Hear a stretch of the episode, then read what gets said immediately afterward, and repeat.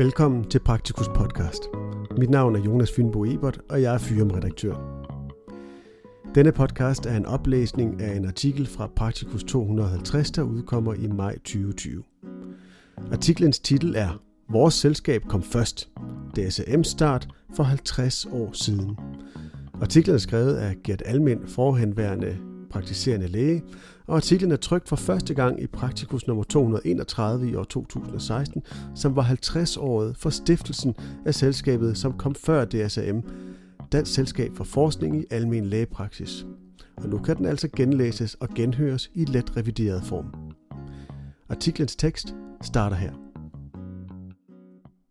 I maj 1966 blev det første skridt taget i udviklingen af almen praksis til et akademisk speciale med uddannelse og forskning som en aktiv del af den internationale videns- og erfaringsudveksling. Det skete ved stiftelsen af det videnskabelige selskab med det lange navn Dansk Selskab for Forskning i Almen Lægepraksis, starten på DSAM. Om artiklens forfatter Gert Almind. 1965 læge, 1970 til 2000 praktiserende læge i Holbæk, 2000-2009 direktør i Novo Nordisk Fonden, 1969 deltog i et par bestyrelsesmøder i DSM som yngre læge, 1970 knyttet til bestyrelsen som bisidder, 1971 ordinært medlem af DSM, 2005 begyndte at sikre bevarelsen af arkivalier om selskabets historie. Disse er nu samlet på Medicinsk Museum på Rigsarkivet, hvor de er ordnet og registreret.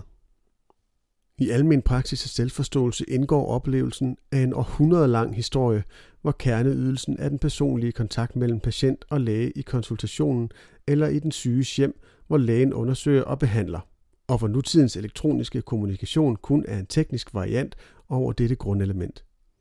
Kernen er uændret, men det er de ydre omstændigheder så sandelig ikke. For mange må det lyde uforståeligt, at stort set alle de institutioner og begreber, som i dag er en del af almen medicin, ikke eksisterede i 1966. Det kan synes længe siden, og dog ikke fjerner end at forfatteren til denne artikel netop i maj det år havde sit første vikariat som almen praktiserende læge. Alt det, der ikke var. Til almen praksis var der ingen formaliseret grund, videre eller efteruddannelse. Ingen forskning eller kvalitetssikring. Der var intet PLO, og altså heller ikke noget videnskabeligt selskab. Almen medicin var ikke et speciale. Ja, ordene almen medicin kendtes ikke i nutidig betydning. De praktiserende læger sad næsten udelukkende i enkeltmandspraksis, geografisk væsentligt mere spredt end i dag. Over 90 procent var mænd, gifte mænd. At passe praksis krævede to personer det meste af døgnet. Ægtefælden var ofte en sygeplejerske eller en lægesekretær. Men uanset uddannelse bistod hun sin mand som telefonpasser, sekretær, assistent, visitator og midlertidig stedfortræder. Lægekoner var et vigtigt begreb. Slet ikke en nedladende titel. Var hun læge, hed det ægteskabspraksis. Næsten de eneste kompagniskaber, der fandtes. Hun kunne have egne patienter, ofte gravide og børn, og ganske få arbejdede på lige fod. Selvstændige kvindelige læger fandtes dog, overvejende i København, hvor man ikke måtte have kompagniskaber. Konsultationen var indrettet i lægens hus eller lejlighed. Spisestuen eller entréen fungerede som venteværelse, og en del havde held og økonomi til at disponere over to lejligheder i samme opgang. Tidsbestilling galt kun selvbetalere. Der var ingen sygesikring. Landets sygekasser havde en sammenslutning, som forhandlede med lægerne om, hvad de skulle betale for lægehjælp til deres medlemmer. Var man ikke medlem af en sygekasse, måtte man selv betale eller prøve at få sin opholdskommune til det. Mange konsultationer og sygebesøg fik lægen aldrig penge for. Reelt anede man ikke, hvad praktiserende læger foretog sig. Myndighederne var ikke interesserede, lægerne lavede ikke opgørelser, og hver holdt kortene tæt til kroppen. At overvære en kollega arbejde var yderst sjældent. Nogle få modige tilbød praktikantophold til studenter, og praktiserende læger forventedes ikke at kunne undervise selvstændigt. I København inviterede professor i medicin, Brygner Mortensen, der af og til en praktiserende læge til en forelæsning, som så foregik som en dialog mellem de to. Ingen ydernumre. Almen praksis var ureguleret. Ingen ydernumre, bortset fra et system, som dækkede København, Frederiksberg og Amager kommunerne. En kant med med stor jus, ret til selvstændigt virke som læge, kunne nedsætte sig i praksis, tilmelde sig de lokale sygekasser og modtage patienter. Storius krævede blot et års sygehusansættelse fordelt på kirurgi og medicin. Man kunne købe en praksis eller starte på barbund, hvis man skyndede, at her kunne tiltrækkes patienter. Udover ved forhandlingerne med sygekasserne var der ingen, der tegnede almen praksis som et fællesskab. For at indgå i aftalen skulle man være medlem af lægeforeningen, men ellers var hver læge en selvstændig forretning. Længden og sammensætningen af sygehusansættelser før start i praksis var overladt til den enkeltes eget skøn, og efteruddannelse var spredte tilbud uden interne incitamenter til deltagelse. De fleste skaffede sig mere hospitalsuddannelse, end det krævede år. En del havnede i almen praksis, når deres forsøg på at blive speciallæge var endt i en blindgyde. Mange brugte mulighederne for efteruddannelse. Det kunne være ugenlige frokostkonferencer på det lokale sygehus eller 3-6 årlige foredrag med tilrejsende specialister fra København, arrangeret af Lægekredsforeningen. Nogle så man aldrig til foredragene. De følte sig godt holdt af gennem ugeskriftet og månedsskrift for praktisk lægegærning. Ikke mindst det sidste var igennem 1950'erne blevet en vigtig og glimrende kilde til efteruddannelse. Behov for mere formel organisering. Fra slutningen af 1950'erne havde flere læger peget på nødvendigheden af ændret grunduddannelse og formaliseret videre- og efteruddannelse. Lægeforeningen og Sundhedsstyrelsen nedsatte udvalg, og man diskuterede i repræsentantskabet, som var det forum, hvor praktiserende lægers forhold blev behandlet.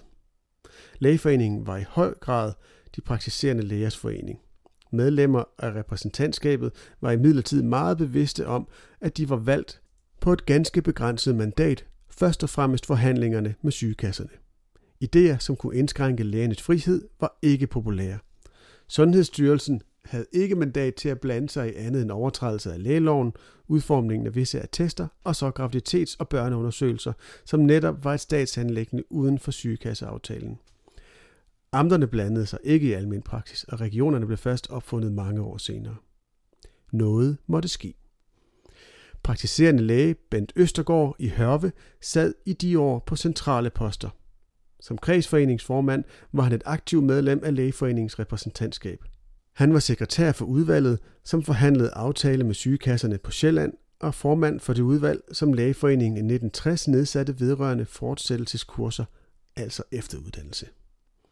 Østergaard hørte til gruppen af læger, hovedsageligt uden for København, som ønskede en landsdækkende forening for almen praksis, som også tog sig af uddannelse, forskning og international kontakt. I 1964 så han, hvordan det var løst i Storbritannien.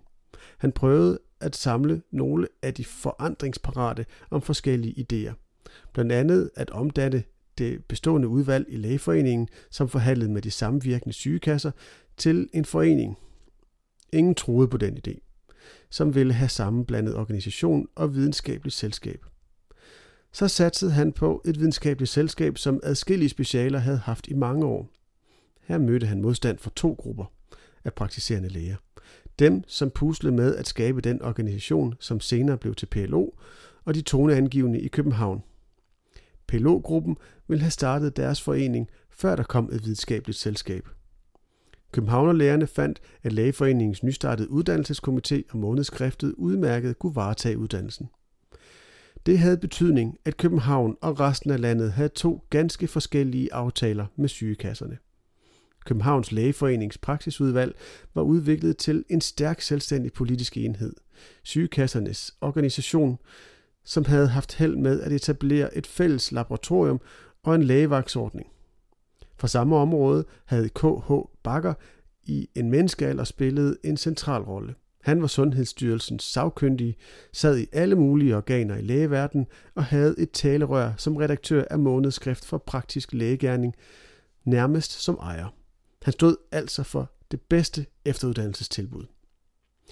Begrænsede handlemuligheder. Østergaards handlemuligheder var således begrænset. Han kunne højst få et forskningsselskab. Han kontaktede tre kolleger, Jørgen Dahl i Hammel, Olfert Fischer i Grejs og Niels S. Jacobsen i Odense og udsendte 20. april 1966 indbydelse og dagsorden til et stiftende møde. Hvor mange der blev indbudt, ved vi ikke. Men udvalget var uden tvivl strategisk. Først og fremmest praktiserende læger, som måtte forventes at være interesserede. Desuden københavnere med indflydelse, K.H. Bakker og hans søn Paul. Endelig to personer uden for praksiskredsen, som vil støtte ideen. Amtslæge Vagn Christensen og professor Mogens Fogh, som blandt andet var redaktør af ugeskriftet og kort efter blev valgt til rektor for Københavns Universitet. Selskabets stiftelse 1966. Mødet fandt sted på Hotel Nyborg den 19. maj, Kristi Himmelfartsdag. Det var en konsultationsfri dag. Dog skulle deltagerne fra provinsen sørge for, at deres patienter blev passet af en kollega. Der mødte 37, hovedsageligt fra provinsen. Måns Fogh indledte med et foredrag om forskning i almen praksis. Vi har fyldige referater. Planen om et selskab blev forelagt og drøftet. KH Bakker mente, at der allerede var kanaler nok for forskning i almen praksis. P. Bakker anførte, at København ikke ville være med, men godt samarbejde. Afstemningens tema blev derfor, om man skulle bruge de bestående kanaler eller danne et nyt selskab. 32 var for et selskab, som herefter var stiftet. Barnet fik Luther Fædre, som Østergaard berettede ved DSM's 10-årsmarkering i 1976. 37 medlemmer til en start. Det skal pointeres, at herefter salgede Bakker og søn om. Paul Bakker lod sig indvælge i bestyrelsen, som bestod af Østergaard, Hørve, formand, Vagn Christensen, Ringkøbing, næstformand, Jørgen Dahl, Hammel, sekretær, desuden P. Bakker, København, Kåre Strunk, Tyberon, Olfert Fischer, Grejs og Paul Møller, Nykøbing Falster. I den næste måned meldte 37 sig ind, og Jysk Medicins Selskab udtalte sin støtte. Som nævnt vikarierede jeg i dag i en jysk landpraksis og anede ikke, at der var ved at blive dannet et videnskabeligt selskab. Ej heller, at der var behov for det. Men snart kunne jeg læse om det i månedskriftet, hvor KH Bakker lojalt refererede stiftelsen, ledsaget en artikel om forskning i almen praksis. Store projekter. Den næste tid fik man skaffet en del medlemmer. I 1967-68 betalte 174 kontingent. Et mindre tal så sig selv som forskere. De fleste vil signalere, at de ønskede udvikling i almen praksis. Mange af dem kom der også det næste årti til at præge udviklingen i PLO, DSM og Lægeforeningen, både med organisationen, uddannelse og forskning. Selskabet opnåede hurtigt støtte fra Socialmedicinen, ikke mindst Erik Holst. Godkendelsen for Dansk Medicins Selskab, nu Organisationen af Lægevidenskabelige Selskaber, modtog bestyrelsen med stolthed, selvom den var at forvente. Der blev holdt to medlemsmøder årligt på skiftende steder i landet. Dels med gensidig rapport om igangværende projekter, dels foredrag om relevante emner, forskning i almen praksis i Norge og i Tyskland, planlægning af kliniske undersøgelser og klinisk gennemprøvning af lægemidler. Bestyrelsen fik også knyttet kontakter til andre europæiske selskaber. I 1969 besøgte man lægehuset i Dalby, Skåne, hvor der var indrettet en forskningspraksis. Var der kun forskning på dagsordenen, var fremmødet beskedent. Besøget i Dalby trak til gengæld mange. Der blev nedsat dokumentationsudvalg, registreringsudvalg og redaktionsudvalg, som viser, hvor man så opgaverne. Flere af bestyrelsesmedlemmerne og enkelte andre kastede sig over at få lavet noget forskning i en blanding af lyst og nødvendighed. Der skulle jo forskes. Fælles var problemstillingen, hvad er det, vi går og laver? Emnerne var overordentligt relevante, men gennemførelsen var præget af manglende erfaring. Projekterne blev for omfattende, løb ind i samarbejdsproblemer og ud i sandet. Denne uformåenhed var ikke speciel for almen praksis. Der var endnu ikke forskerkurser, stort set ingen forskningserfaring, heller ikke på sygehusene. I 1969 var de berørte bestyrelsesmedlemmer ved at signe under deres projekter. På bestyrelsesmødet i august så man lidt fortabt på hinanden og spurgte, om forskning kunne udvikles på en anden måde. Omdannelsen til DSAM. Østergaard havde ikke opgivet tanken om at udvide selskabets formål, så det matchede et videnskabeligt selskab. Flere i bestyrelsen bakkede op. Også P. Bakker. I 1967 var PLO blevet dannet. Man fandt, at tilslutning herfra var en betingelse, men var usikker på organisationens holdning. Blandt PLO's bestyrelse anså man Finn Balslev Nykøbing F. for den mest fremkommelige. Han havde været medlem af selskabet fra starten. I april 1970 blev han inviteret til selskabets bestyrelsesmøde. Østergaard ridsede forhistorien op og forelagde planen om omdannelse af selskabet. Tre bestyrelsesmedlemmer mente ikke, at et sådan selskab ville være attraktivt. Et flertal var dog for. Balslev var meget positiv. Man enedes om, at selskabet skulle have tre opgaver. Forskning, videreuddannelse og efteruddannelse i nøje connects med PLO. På bestyrelsesmødet i Tøberon i maj tilrette lagde man slagets gang. Årsmøde generalforsamling skulle finde sted på Scanticon ved Aarhus 25. og 26. september. Formålsparagrafen fik tilføjelsen at virke initiativtagende og inspirerende for videre- og efteruddannelse af almen praktiserende læger, og almen praksis blev ændret til almen medicin. At varetage kontakten med tilsvarende selskaber i ind- og udland ændredes til at fremme international kontakt inden for almen medicin. Før kunne enhver læge, som gik ind for formålene, blive medlem.